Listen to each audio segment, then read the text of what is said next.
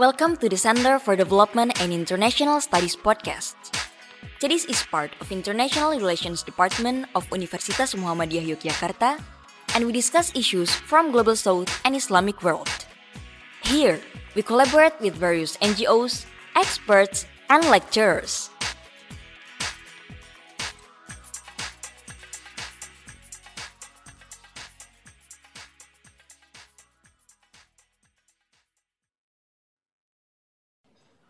Bismillahirrahmanirrahim. Uh, Assalamualaikum warahmatullahi wabarakatuh. Waalaikumsalam warahmatullahi wabarakatuh. Halo teman-teman semua, selamat datang kembali di podcast CEDIS, Hubungan Internasional Universitas Muhammadiyah Yogyakarta. Nah, uh, sekarang adalah episode ketiga kita, dan program kita kali ini adalah Zoom In, di mana kita akan mendiskusikan tentang Myanmar Code and the Future of Democracy. Nah, seperti biasa, Caca di sini kali ini saya bersama dengan Mas Daniel Awigra atau bisa dipanggil Mas Awi. Beliau adalah uh, Deputy Director of Human Rights Working Group dan sebelumnya pernah menjabat juga sebagai Civil Society Expert on ASEAN and Human Rights uh, di Particip LLC Beliau juga merupakan co-founder dari Serikat Jurnalis untuk Keberagaman atau Sejuk yang berdiri sejak tahun 2008 hingga saat ini. Kita sapa dulu Mas Awinya. Halo Mas Awi, selamat malam. Thank you banget. Terima kasih Caca, Mas Zain. Perkenalan sangat generous ke saya ya. Saya jadi malu. Gimana kabarnya Mas Awi? Sehat Mas? Baik, baik. Uh, di seputaran Tangerang hujan terus. Oh, sama aja sih. Di Solo juga hujan, yeah. di Jogja juga oh, hujan okay. gitu. Yeah, yeah, yeah. Oke, okay, so uh, kita kali ini kan mau bahas tentang kudeta Myanmar kemarin nih, Mas. Terus uh, barusan saya juga baca berita itu masih even hari ini masih ada demo gitu habis habis dua malam penuh mereka uh, internet shutdown gitu. Uh, kalau misalkan boleh tanya tentang kudetanya nih, Mas. Dia kan benar-benar apa ya berdampak pada protes yang luas banget gitu. Terus uh, ada mogok nasional kayak gitu karena itu gimana sih Mas Awi mandang military coup in the modern day Myanmar?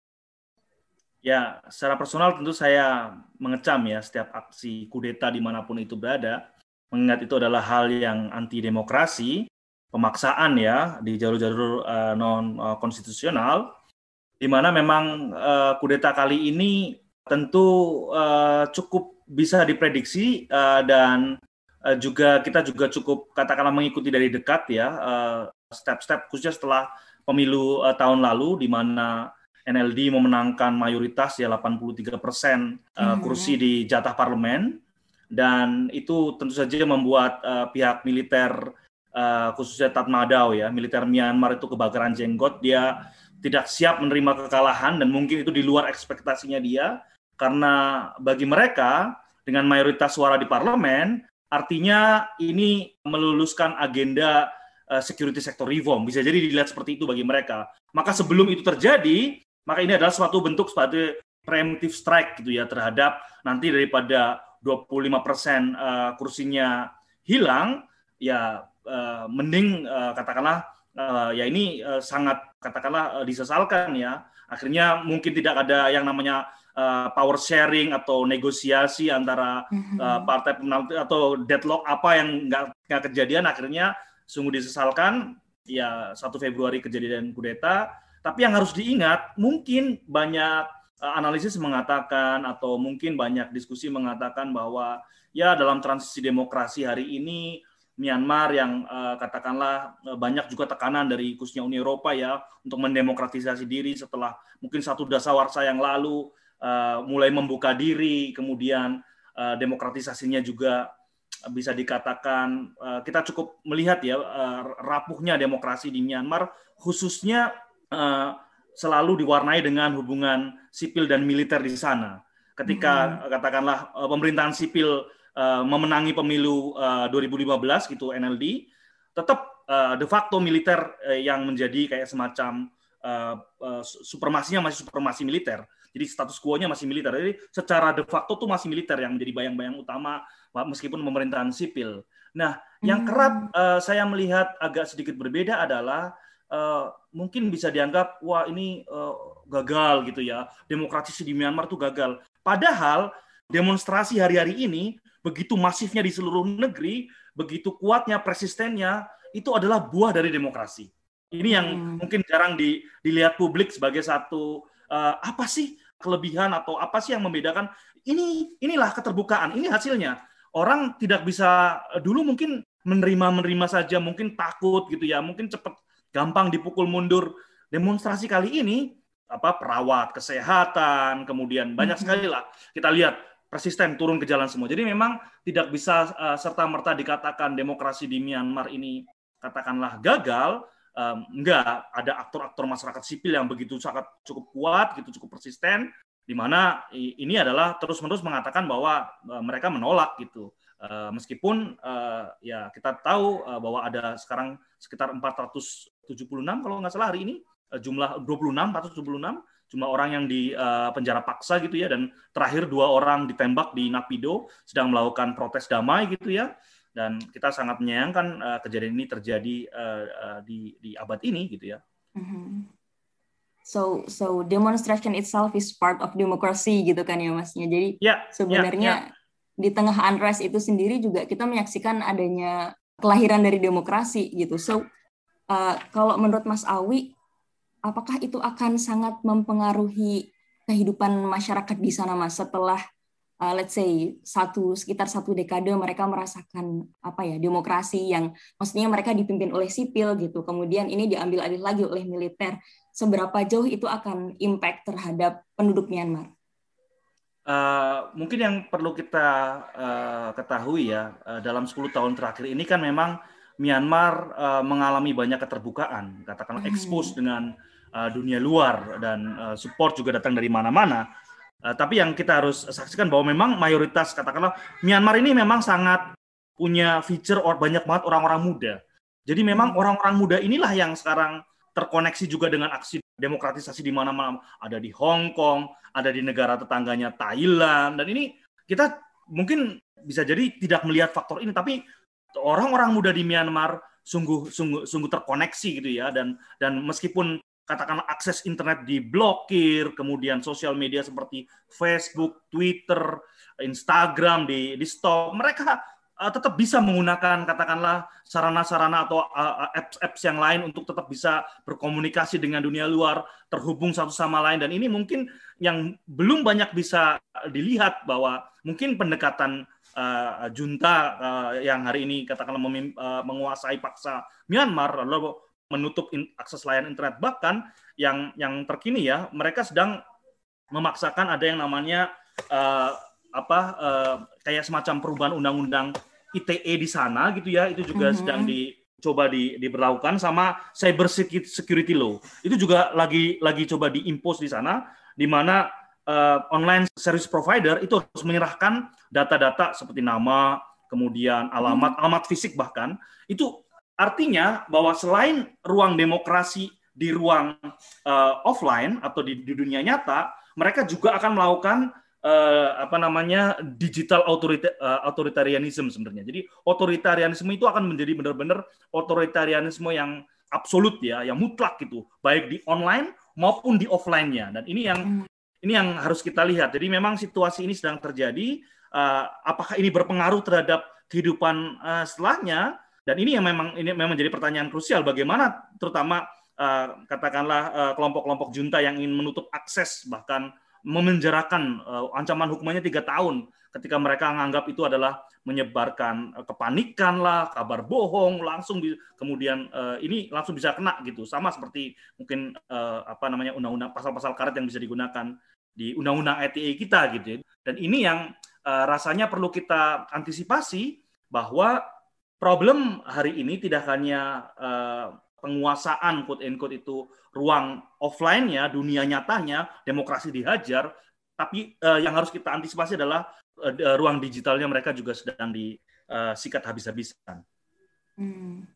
So kalau misalkan kita pindah nih mas ke situasi politik terkini gitu di di Myanmar, uh, kan dia dikutuk oleh banyak negara gitu, even UN, kemudian US, EU gitu Terus uh, Biden juga sempat bilang kalau dia bakal uh, ngasih sanksi lagi gitu. Itu menurut Mas Awi, apakah itu akan apa ya uh, menakuti, menakut-nakuti uh, para pengkudeta itu? Ya, saya mengutip saja ya uh, orang Indonesia yang uh, mendedikasikan hidupnya studi soal Myanmar, uh, Mas Priambudi Sulistianto. Dia uh, ngajar di uh, University of Flinders ya di, di Australia. Dia mengatakan uh, karakteristik uh, militer Myanmar itu kepala besi katanya. Jadi hmm. dari pengalaman tahun ke tahun itu dia nggak peduli apa-apa, nggak ada nggak ada takut-takutnya. Jadi pengalaman menunjukkan bahwa mereka tidak uh, gentar gitu ya. Apalagi dengan katakanlah kemarin special sessionnya di Human Rights Committee, uh, kita lihat ada 10 negara kan yang yang oke okay dengan kudeta. Salah satunya adalah Cina, Bangladesh, Pakistan, Belarus, kemudian Venezuela dan beberapa negara lain. Artinya oh, Rusia juga tentu ya. Jadi memang uh, mungkin uh, kalau uh, ini bisa dikatakan sebagai uh, hints atau atau uh, clue gitu ya bahwa ada yang mendukung, barangkali mungkin mereka uh, bisa oke okay, at least dari seluruh anggota Dewan HAM at least ada 10 negara yang masih in favor dengan uh, posisinya militer. Barangkali uh, sikap internasional yang bisa jadi menumpukan diri pada katakanlah Cina bisa jadi itu menjadi satu kemungkinan yang yang mereka uh, sandarkan ya untuk mendapatkan backup di di, di dunia internasional.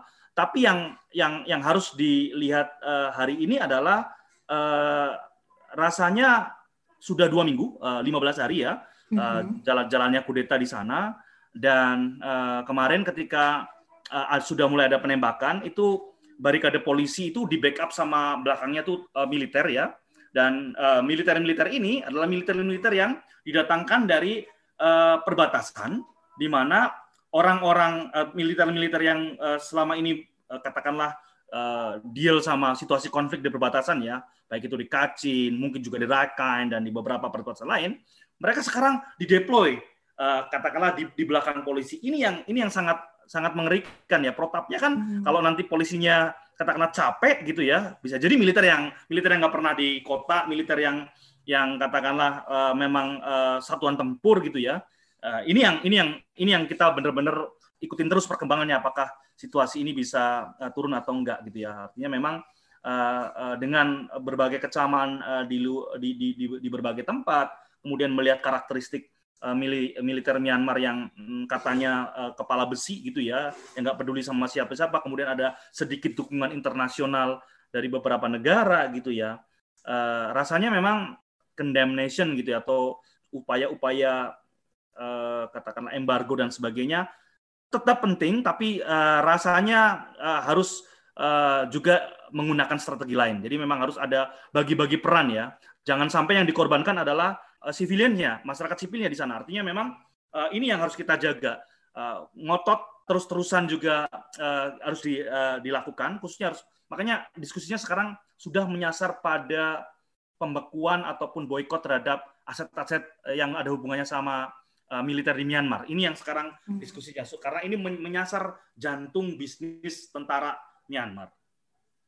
Mungkin itu hmm. dirasa lebih efektif dari sekedar uh, mengembargo negara di mana itu bisa konsekuensinya uh, ke, seluruh katakanlah uh, penduduk Myanmar ya. Tapi sekarang bahkan afiliasinya, afiliasi bisnisnya kemudian dibekukan, transaksinya dan sebagainya ini, ini sudah banyak sekali mungkin seruan-seruan untuk memboikot produk-produk yang ada kaitannya sama bisnis militer gitu ya. Itu saya sudah mendapatkan katakanlah banyak sekali dan itu juga kita harus hati-hati ada banyak informasi yang harus disaring juga ya, ada banyak hoax, disinformasi, misinformasi ada banyak sekali hari ini di sana.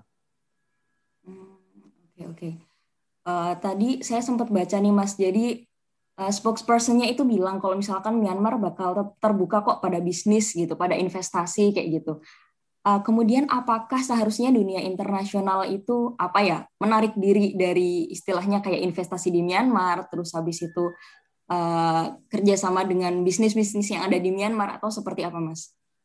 Ya, Sebenarnya kan uh, kalau kita benar uh, sebagai satu komunitas internasional mendorong satu uh, masyarakat yang uh, menghargai hak asasi manusia, kemudian menghargai kebebasan berekspresi, kemudian menghargai juga tentu saja uh, rule of law dan sebagainya, uh, ini harus menjadi prasyarat utama uh, kerjasama itu dijalankan. Jadi seharusnya komunitas internasional kompak dalam hal ini menolak hmm. uh, si ekstensi si junta militer ini di Myanmar. Tapi permasalahannya kan kembali di dunia internasional itu tidak semuanya uh, sependapat dan sepaham hmm. dengan uh, katakanlah uh, mendorong nilai-nilai gitulah humanitarian gitu kan. Ini ini yang ini yang ini yang tentu terus menjadi debat di katakanlah di di internasional fora ya apakah memang uh, uh, harusnya hari ini uh, HAM dan demokrasi menjadi prasyarat adanya kerjasama ataukah memang ya mereka hanya dijadikan sebagai alat gitu. Kalau tujuannya hanya HAM dan demokrasi hanya sebagai alat, ya kita bisa banyak melihat uh, di, di banyak negara-negara non demokrasi mereka ngerasa bahwa tanpa HAM dan demokrasi gue maju. Jadi nggak penting HAM dan hmm. demokrasi. Kan kayak gitu. Kalau itu digunakan sebagai katakanlah prasyarat untuk kerjasama, tanpa itu kita tidak bisa. Dan kita kan sering berkaca bahwa misalkan kayak negara Barangkali Vietnam juga termasuk salah satu negara yang saya nggak tahu apakah oh enggak Vietnam enggak bukan termasuk dalam yang 10 di anggota Dewan HAM. Uh, Vietnam kayaknya menentang juga. Tetapi yang ingin saya katakan adalah uh, kalau memang uh, ya tadi uh, itu menjadikan satu uh, prasyarat ya uh, kita bisa uh, mengatakan bahwa ayo kita uh, tetap menghargai uh, HAM, kemudian kerjasama bisa kita laksanakan. Kalau tujuannya adalah uh, hanya pembangunan, tanpa ada HAM pun barangkali lebih efektif ya kalau semua pemimpin negara atau aktor-aktor internasional berpikir seperti itu dan setuju dengan cara pikir seperti itu ya akhirnya mereka mengorbankan tanpa ada hak asasi manusia. Yang penting ada pertumbuhan ekonomi persis sama mungkin si uh, spokesperson yang mengundang katakanlah uh, investor tetap masuk ke Myanmar, tapi apakah hmm. bisnis bisa berjalan dengan katakanlah orang direpresi, orang tidak bisa ngomong gitu.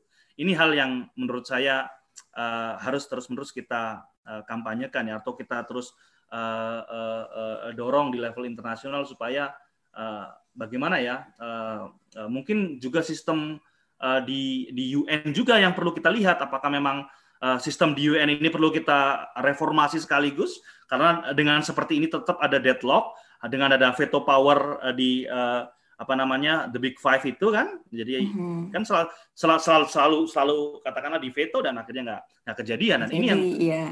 ini, ini ini ini ini ini satu pikiran di HI juga untuk mereformasi uh, uh, sistem katakanlah uh, internasional ya hari ini. Mm-hmm. So UN ya. Jadi sebenarnya kita butuh kayak common world view gitu ya Mas ya buat ya uh, investasi bisnis kemudian pembangunan itu berjalan linear dengan penegakan demokrasi dan HAM gitu. Ya betul. Jadi uh, sebenarnya kayak gini ya. Kalau uh, ini kan ngomong soal satu norm setting, ideal setting gitu ya, di mana orang masih kadang-kadang merasa meragukan gitu ya, khususnya kelompok-kelompok yang selama ini juga bisa dikatakan tidak mendapatkan keuntungan jika itu ditegakkan, khususnya mereka-mereka yang uh, melakukan pelakukan pelanggaran HAM masakanlah atau mereka adalah pelaku-pelaku kekerasan gitu ya. Kalau HAM ditegakkan, demokrasi ditegakkan, bukan hanya mereka kehilangan uh, kursi uh, jabatan atau kehilangan uh, power, tapi mereka dihukum. Nah, situasi-situasi uh, politik seperti ini yang harus dipahami. Jangan hmm. jangan-jangan ini yang yang harus kita uh, cermati uh, kalau mereka uh, secara de facto masih menguasai dan kita ingin mengembalikan telapak tangan, kemudian menguasai seluruhnya, dan kemudian mau menghubung, menghukum mereka sementara mereka secara de facto masih sangat kuat dan nggak ada negosiasi, jangan-jangan mereka malah semakin anti terhadap demokrasi dan HAM. Karena apa itu barang? Hmm. Itu hanya akan mengancam nggak cuma uh, posisiku, tapi juga akan menghukum aku dan keluargaku. Jadi kayak gitu cara bisa. Saya tidak membela ya. Saya tidak. Hmm. Saya tidak me, saya tidak membela uh, apa namanya. Uh, uh, saya mengutuk itu katakanlah kudeta ini, pelaku kejahatan ini dan sebagainya. Tetapi barangkali ini yang uh, situasi yang uh, harus kita ketahui, uh, harus kita pahami bahwa mungkin perlu adanya semacam uh, makanya kita sebagai bangsa di Indonesia ya kita bisa sedikit misalkan kalau saya tidak ingin membandingkan karena uh, bisa juga dibandingkan tapi saya ingin coba membawa proses di Indonesia saja gitu ya di Indonesia at least ada beberapa hal yang uh, mungkin bisa kita syukuri. Uh, pertama ada uh, nation building yang most likely sebagai satu prasyarat persatuan itu ada. Di Myanmar itu belum ada. Misalkan nggak ada hmm. bahasa persatuan itu nggak ada. Kemudian sumpah untuk menjadi katakanlah uh, menyatu itu nggak ada tuh. Makanya ada perjanjian Plalong apa? Palong kalau nggak salah nggak yang gagal itu itu kejadian itu. Yang waktu itu adalah mau kayak semacam sumpah pemuda itu supaya seluruh etnik etnik mayoritinya itu uh, mau bersatu gitu ya gitu. Menjadi satu bersatu gitu. Itu gagal itu setelah uh, kudetanya Newin dan sebagainya itu. Nah yang kedua kalau kita lihat transisi demokrasinya Indonesia, meskipun sekarang kita juga masih bermasalah dengan uh, soal-soal militerisme dan sebagainya, uh, tetapi dulu ada aktor yang menurut saya cukup uh, saya hargai ya kalau berkaca dari situasi Myanmar hari ini, yaitu Pak Habibie. Kalau kita lihat ya, Pak Habibie itu menarik sebagai satu aktor, mengingat dia adalah orang sipil yang cukup lama bersama dengan Golkar, dengan Pak Harto, yang cukup disegani juga sama aktor militer. Dan dia membawa agenda-agenda reformasi. Di titik ini, uh, orang macam Habibie itu sangat krusial di era masa transisi demokrasi dari mungkin Soeharto yang cukup uh, kencang gitu ya, cukup kuat gitu ya. Uh, ada orang yang masih katakanlah uh, di jadi peran aktor itu penting, kemudian ada prasyarat uh, satu bangsa itu juga penting, ada satu bahasa persatuan, ada komitmen kebangsaan, dan itu di Myanmar nggak ada. Uh, etnik minoritas mereka ngomong pakai bahasa mereka masing-masing. Hmm. Kemudian di sana juga ada partai-partai lokal gitu. Jadi memang uh, uh, dulu dibentuk mau mencoba dibentuk sebagai satu negara federasi, tapi kemudian uh, dipaksakan menjadi satu negara kesatuan katakanlah kayak gitu. Jadi memang hmm. ada banyak prasyarat-prasyarat menjadi uh, uh, United State gitu ya, bukan USA gitu ya, tapi Hmm. menjadi uh, negara, negara apa negara-negara bagian yang bersatu itu banyak yang belum kejadian di sana dan ini menjadi PR uh, uh, eh, panjang ke depan. Uh, mengingat beberapa hal tadi. Satu uh, uh, apa uh, problem uh, otoritarianismenya itu nggak cuma di uh, di dunia uh, offline tapi dia akan hmm. masuk ke dunia dunia online. Kemudian hmm. bagaimana uh, barangkali uh, uh, sharing power itu nggak terjadi. Barangkali ya saya ngeliat sharing powernya itu nggak nggak nggak nggak begitu kejadian. Saya mendengar ketika NLD memenangi pemilu kemudian ada ada banyak sekali katakanlah baik katakanlah di level-level daerah juga NLD mau uh, take them all kalau kurang lebih kayak gitu ya. Ada analis yang mengatakan seperti itu. Sharing powernya kurang terjadi kalau nggak salah. Jadi memang itu hal kecil-kecil seperti itu. Saya tidak mengatakan bahwa uh, uh, uh, mereka harus mengalah tapi memang harusnya memang harus ada proses-proses dialogis gitu ya. Dan yang terakhir adalah mungkin kita penting untuk belajar soal karakteristik militer Myanmar. Jadi uh, karakteristik militer Myanmar barangkali agak mirip dengan militer Thailand dan Indonesia. Ini saya mengutip Haripin ya peneliti LIPI ya, di mana uh, di Southeast Asia karakteristik militer itu ada satu yang agak sedikit membedakan, yaitu dia merasa dirinya sebagai the guardian of the state atau katakanlah penjaga persatuan. Jadi dia kurang begitu percaya aktor-aktor politis, aktor-aktor sipil itu bisa menjaga eh, apa namanya keragaman, perbedaan-perbedaan suku gitu atau eh, etnis minoritas gitu, bahasa dan berbagai aspirasinya. Hanya militer yang bisa menyatukan. Jadi ada kayak semacam eh, tentara yang eh, bersama dengan rakyat membangun negara yang merasa punya saham banyak gitu ya ber, bergenerasi lima generasi katakanlah di Myanmar sehingga mereka merasa dirinya tuh uh, katakanlah uh, the guardian of the state begitu pemilu uh, dianggap curang begitu pemilu dianggap uh, katakanlah uh, sudah di uh, anulir sama KPU nggak nggak puas tetap aja. Akhirnya berarti nggak bisa menjaga uh, keamanan negara militer masuk. Nah ini hal-hal ini yang apa namanya sama misalkan militer Thailand juga kan hanya militer yang bisa menjaga monarki kan katakanlah kayak gitu. Dan dan dan ini yang ya, yang kejadian. Maka penting untuk um, belajar atau mendorong satu studi uh, soal militerisme uh, soal militer dan militerisme di Southeast Asia di mana uh, mungkin pelajaran-pelajaran uh, soal uh, uh, atau konsep-konsep soal supremasi sipil di mana militer harus tunduk atas supremasi sipil dan dan itu yang kita kenal kan karena dia adalah alat negara dia punya uh, apa namanya senjata gitu, maka harus tunduk sama kekuatan sipil. Ini harus kita pelajari benar-benar supaya hal hal-hal seperti ini uh, katakanlah uh, kalau terlalu dipaksakan, ini barangkali mungkin langsung ingin mem, apa namanya mengembalikan telapak tangan barangkali. Saya nggak tahu. Kalau kalau memang uh, supremasi sipil yang begitu kuat dan saya saya setuju dengan hal ini, tapi kalau itu dipaksakan hanya dengan saklek seperti itu tanpa ada mungkin take and give atau atau negosiasi yang bisa memuaskan semua pihak dan sebagainya secara politik meskipun secara uh, katakanlah proses keadilan juga kita harus tetap uh, usut tapi tidak serta merta gitu ya. Jadi memang ini ada ada proses yang cukup panjang ya dari dari soal karakter militer Myanmar kemudian uh, dan soal-soal yang lain ya. Hmm, banyak banget ternyata yang maksudnya faktor-faktor yang kita harus tahu juga gitu di balik di balik kudeta ini gitu ternyata Mas. Tapi BTW abis Mas Awi ngomong gitu tadi saya langsung bersyukur gitu Mas kayak wah untung jadi orang Indonesia gitu yang yang ada kita punya sumpah pemuda terus ada bahasa kesatuan gitu yang tiba-tiba ah, alhamdulillah gitu. Ya. Uh, boleh nggak saya menanggapi? Oh iya, boleh boleh Mas. saya apa ya mungkin uh, kita terbiasa juga dengan sikap-sikap yang seperti itu ya. Saya oke okay, nggak apa-apa. Artinya orang punya merasa uh, bersyukur sebagai Indonesia karena kita punya pengalaman kesejarahan, kita punya pengalaman perjuangan gitu ya, yang juga mungkin kita juga masih merasakan gitu ya.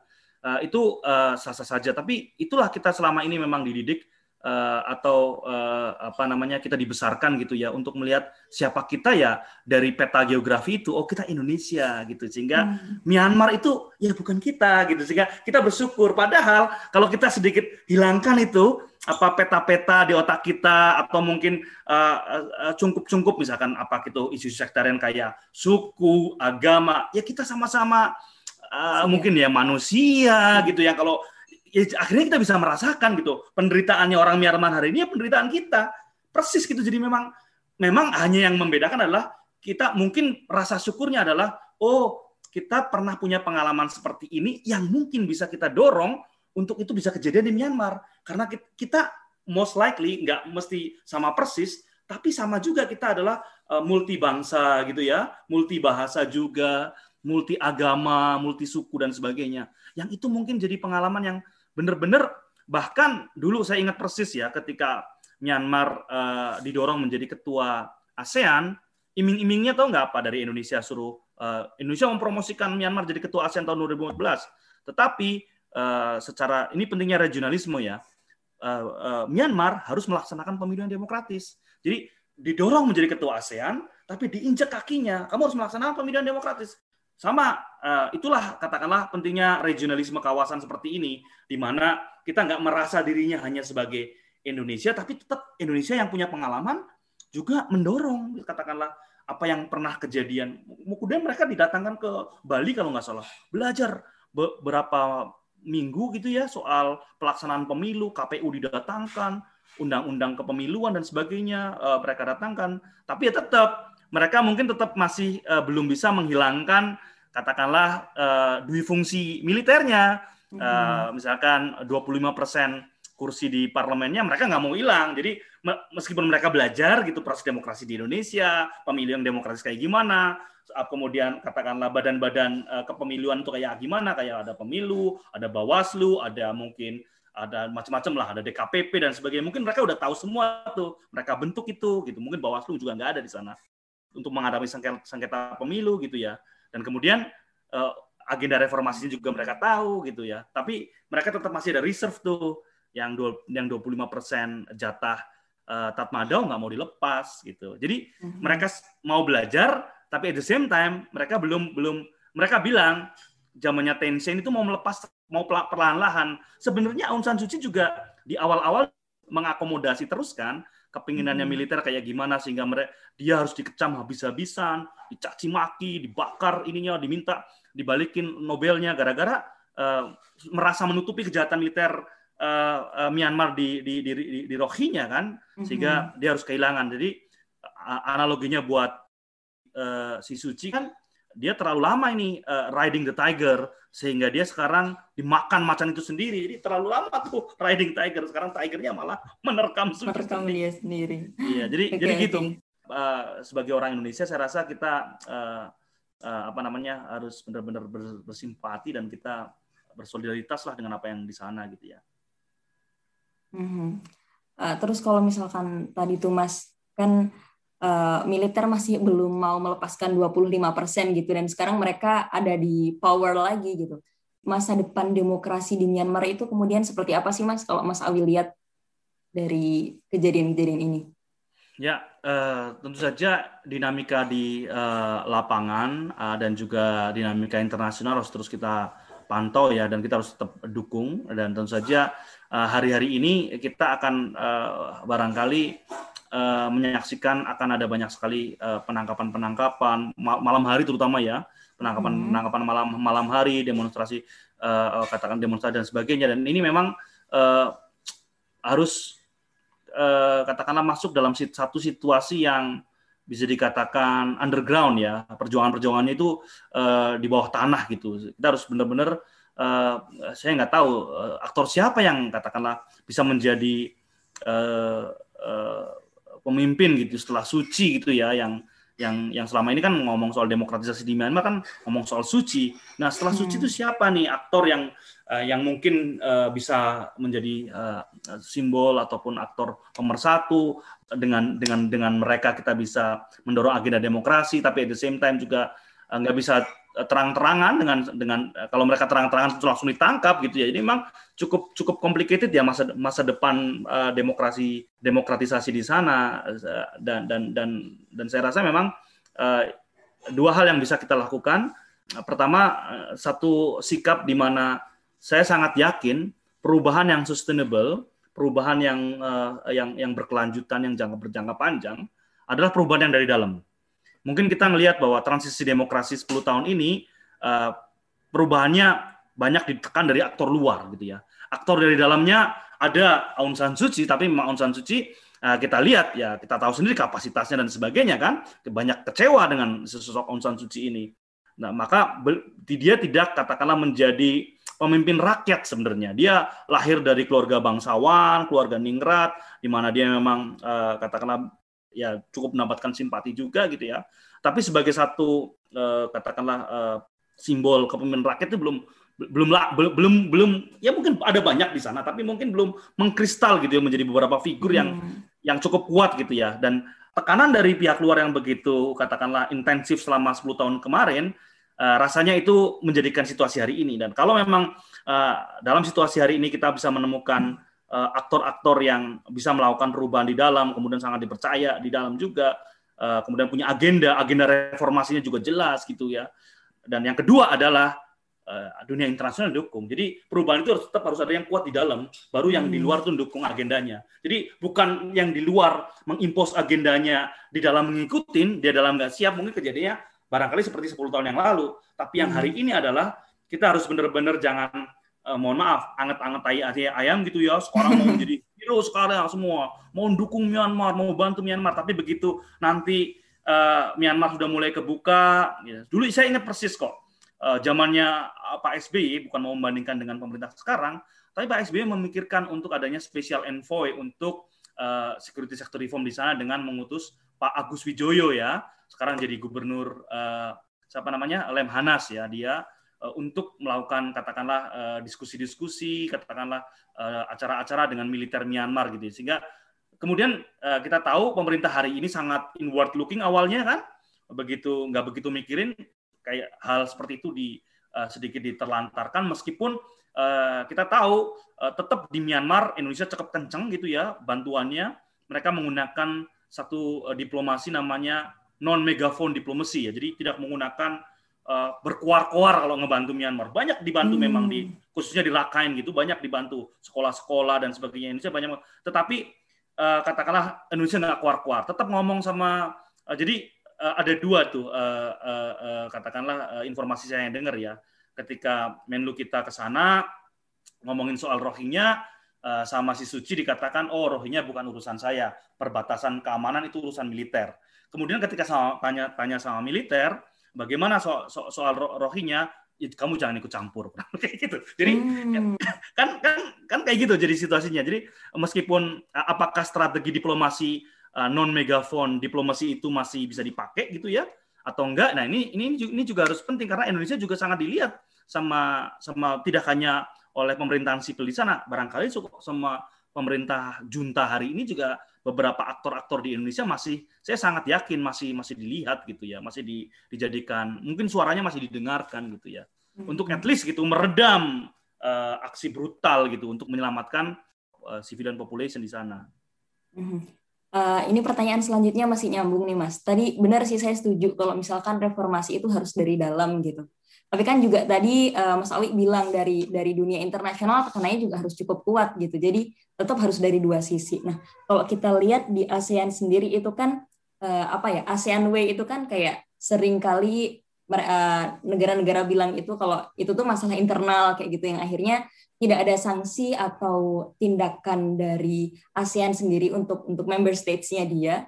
Nah itu uh, gimana sih Mas uh, penyelesaian masalah yang baik di Myanmar eh, di di ASEAN itu yang itu bisa benar-benar bekerja gitu di member states-nya? Ya, uh, terima kasih ini uh, penting banget ya kita sebagai ASEAN uh, membahas soal peran regionalisme di kawasan Asia Tenggara ini khususnya dikaitkan dengan situasi Myanmar hari ini ya. Memang uh, tidak ada satu uh, sistem yang paling sempurna dalam sistem apa pun gitu ya. Pasti ada plus minusnya gitu ya. Kalau kita lihat misalkan uh, uh, di ASEAN gitu ya, uh, konsensus gitu ya, uh, sistem uh, pengambilan keputusan bersama secara konsensus gitu ya. Kalau itu kejadian kan sebenarnya kuat juga gitu. Artinya ada ada kelebihannya itu tidak ada yang merasa uh, uh, no one left behind gitu ya. Jadi memang nggak ada yang ditinggalkan gitu. Jadi bulat itu. Kalau memang sampai pada satu uh, konsensus ya memang itu ya ya kuat gitu, utuh gitu. Nggak ada yang merasa uh, kecil gitu, udah kemudian merasa nggak berarti, kemudian dikalahkan gitu. Dan ini kelebihannya dari sistem yang uh, uh, konsensus uh, decision making proses ya di ASEAN gitu. Tapi memang uh, di saat yang bersamaan ketika uh, semua semuanya harus konsensus, kemudian norm settingnya beda-beda. Sampai kapan kita bisa ketemu pada satu mm-hmm. uh, common ground untuk memutuskan sesuatu? Kalau semuanya punya hak veto katakanlah. Kalau nggak satu nggak mau kan nggak nggak setuju gitu kan. Akhirnya uh, uh, nggak nggak kejadian-kejadian. Tapi uh, harus di apa namanya harus dilihat dalam kacamata yang berbeda juga misalkan. Bukan ber, bukan berarti tidak mencampuri urusan dalam negeri itu kita tidak, tidak bisa berbuat apa-apa gitu kan.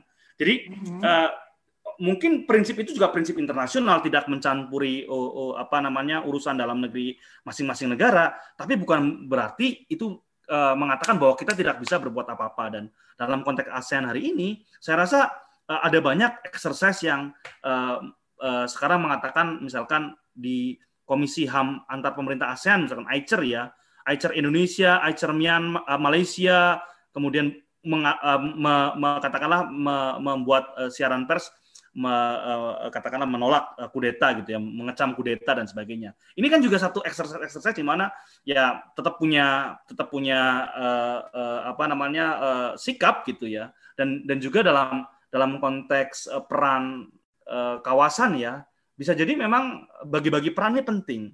Ada kelompok-kelompok yang bisa kuat melakukan uh, boykot atau embargo ekonomi dan sebagainya gitu ya. Tapi mungkin ada kelompok-kelompok yang tetap uh, bisa masuk gitu ya dalam pengertian tertentu uh, bukan uh, masuk untuk uh, bekerja sama dengan kejahatannya gitu, menolerir kejahatannya, tapi untuk prevent uh, yang lebih buruk itu terjadi. Itu yang menurut saya penting hmm. untuk kita lakukan hari ini. Tanpa ada komunikasi di sana, terus menerus di, dikendem, misalkan kita tidak bisa ada, uh, misalkan kita lihatlah di, di sekitaran kan ada negara-negara macam Laos yang berbatasan langsung ya, mungkin Thailand, Bangladesh, Cina tentu saja gitu, India.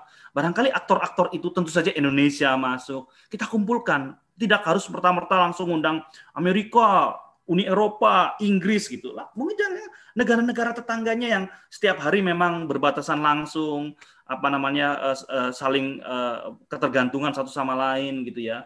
Ini mungkin cukup efektif juga untuk kita buatkan panggung bersama gitu ya. Bagaimana nih kita menyelesaikan uh, katakanlah kita uh, lokalisir ya masalahnya ini. Myanmar tetangganya siapa kita ini dulu meskipun sekarang hari ini nggak nggak harus geografis yang terhubung tapi memang kita lihat uh, misalkan peran investor yang paling kencang siapa? Apakah Korea Selatan? Apakah Jepang? Apakah selain Cina loh ya tentu saja ya. Ayo kita uh, punya uh, common ground bareng di situ. Begitu kita punya common ground bareng mau membantu uh, uh, uh, people di Myanmar gitu ya we stand for the people of Myanmar gitu ya. Ya mungkin uh, at the same time kita bisa ngomong gitu uh, bahwa akan ada transisi yang damai kayak gini kayak gini kayak gini harus ada negosiasi dan sebagainya.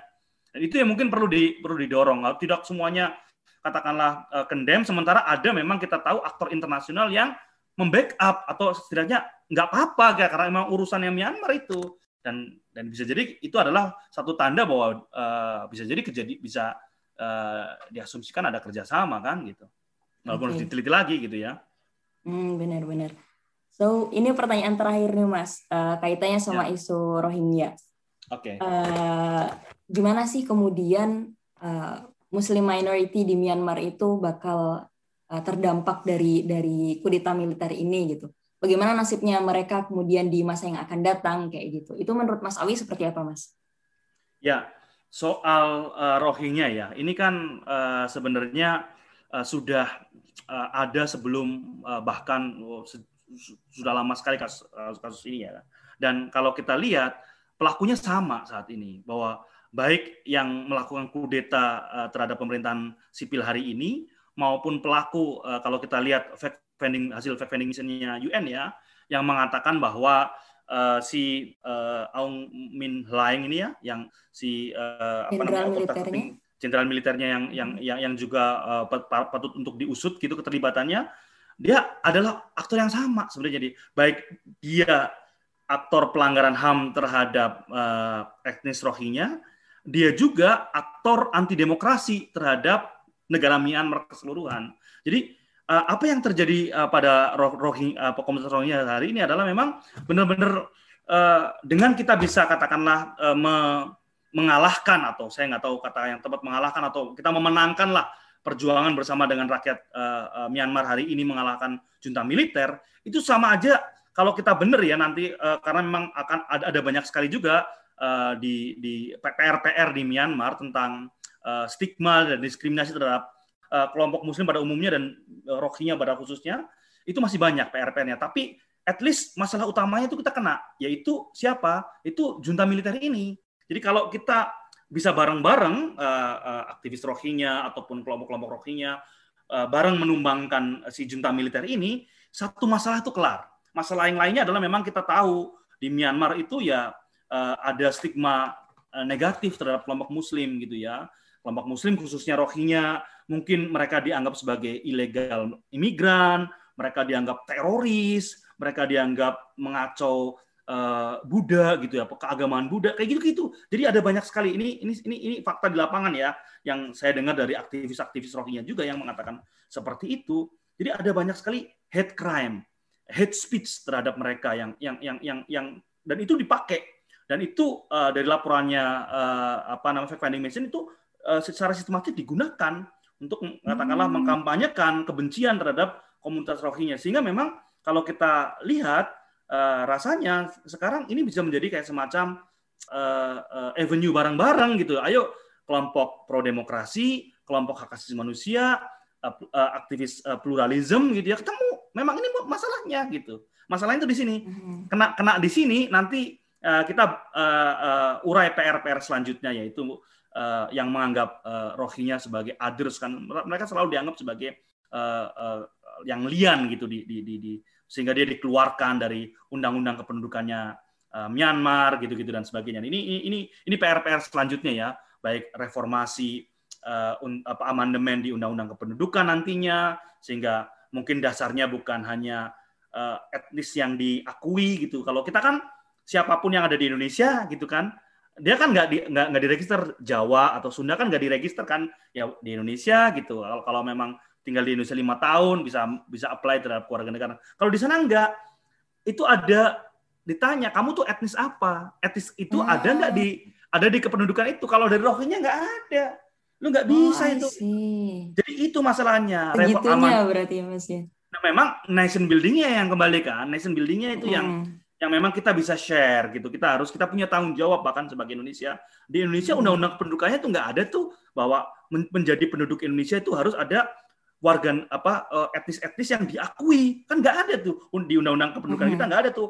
Jadi Myanmar ada tuh dan Rohingya tuh dikeluarkan di undang-undang tahun 72 kalau nggak salah kependudukannya. Itu PR-PR selanjutnya jaminan uh, persamaan, stigma dan diskriminasi, kemudian akses uh, terhadap macam-macam lah itu itu PR selanjutnya. Tapi yang jelas untuk Rohingya hari ini kita seharusnya bersatu, uh, uh, kita uh, uh, mengecam uh, uh, junta militer hari ini dengan dengan apa pun caranya gitu ya. Saya saya nggak tahu apa yang yang terbaik, tapi saya rasa memang harus ada bagi-bagi peran, tidak hanya harus uh, uh, apa namanya uh, perannya hanya dari luar saja, tapi juga peran di dalam, peran di sekitaran gitu ya. Uh, jadi hmm. memang uh, uh, selain ada tekanan dari internasional, kemudian ada bagi-bagi peran, baik peran yang di dalam, which is kita percaya sama kelompok-kelompok pro demokrasi yang pasti akan punya agenda dan punya pemimpinnya yang harus kita dukung gitu ya untuk melakukan uh, demokratisasi di sana dan dukungannya jangan anget-anget ayam doang gitu. Terus terus harus dukung terus sampai bener proses demokrasi itu berhasil gitu ya. 20 tahun 30 tahun harus dukung terus proses demokrasi di sana uh, jangan ditinggalkan gitu Myanmar kemudian yang kedua uh, di uh, peran di negara sekitaran termasuk di kawasan juga punya peran uh, yang uh, bukan berarti kalaupun perannya uh, uh, mendiskusikan masuk itu bukan mendiskusikan kekejamannya deal dengan kekejamannya enggak tapi uh, memprevent supaya keja, uh, situasi terburuk tidak terjadi di uh, di Myanmar. Itu yang ya, yang bisa dilakukan di di sekitaran ya sebagai negara paling-paling dekat. Komunitas internasional, kemudian yang lain itu bisa melakukan cara-cara yang langsung menusuk ke akar masalah yaitu bisa jadi bisnis uh, militer uh, di hmm. Myanmar yang akhirnya mungkin membuat mereka uh, uh, berpikir ulang untuk meneruskan. Saya nggak tahu apa yang bisa membuat mereka berpikir ulang karena mereka kalau banknya dibekukan saya dengar-dengar nih ya banknya dibekukan kemudian bisnisnya dibekukan mereka nyimpen uangnya di mana di Jet hmm. di Ruby. Saya dengar-dengar kayak gitu. Bingung juga saya. Dengar ya anyway. Tapi tapi memang harus harus harus harus inilah. Harus bagi-bagi peran. Anyway uh, ada banyak hmm. PR yang jelas.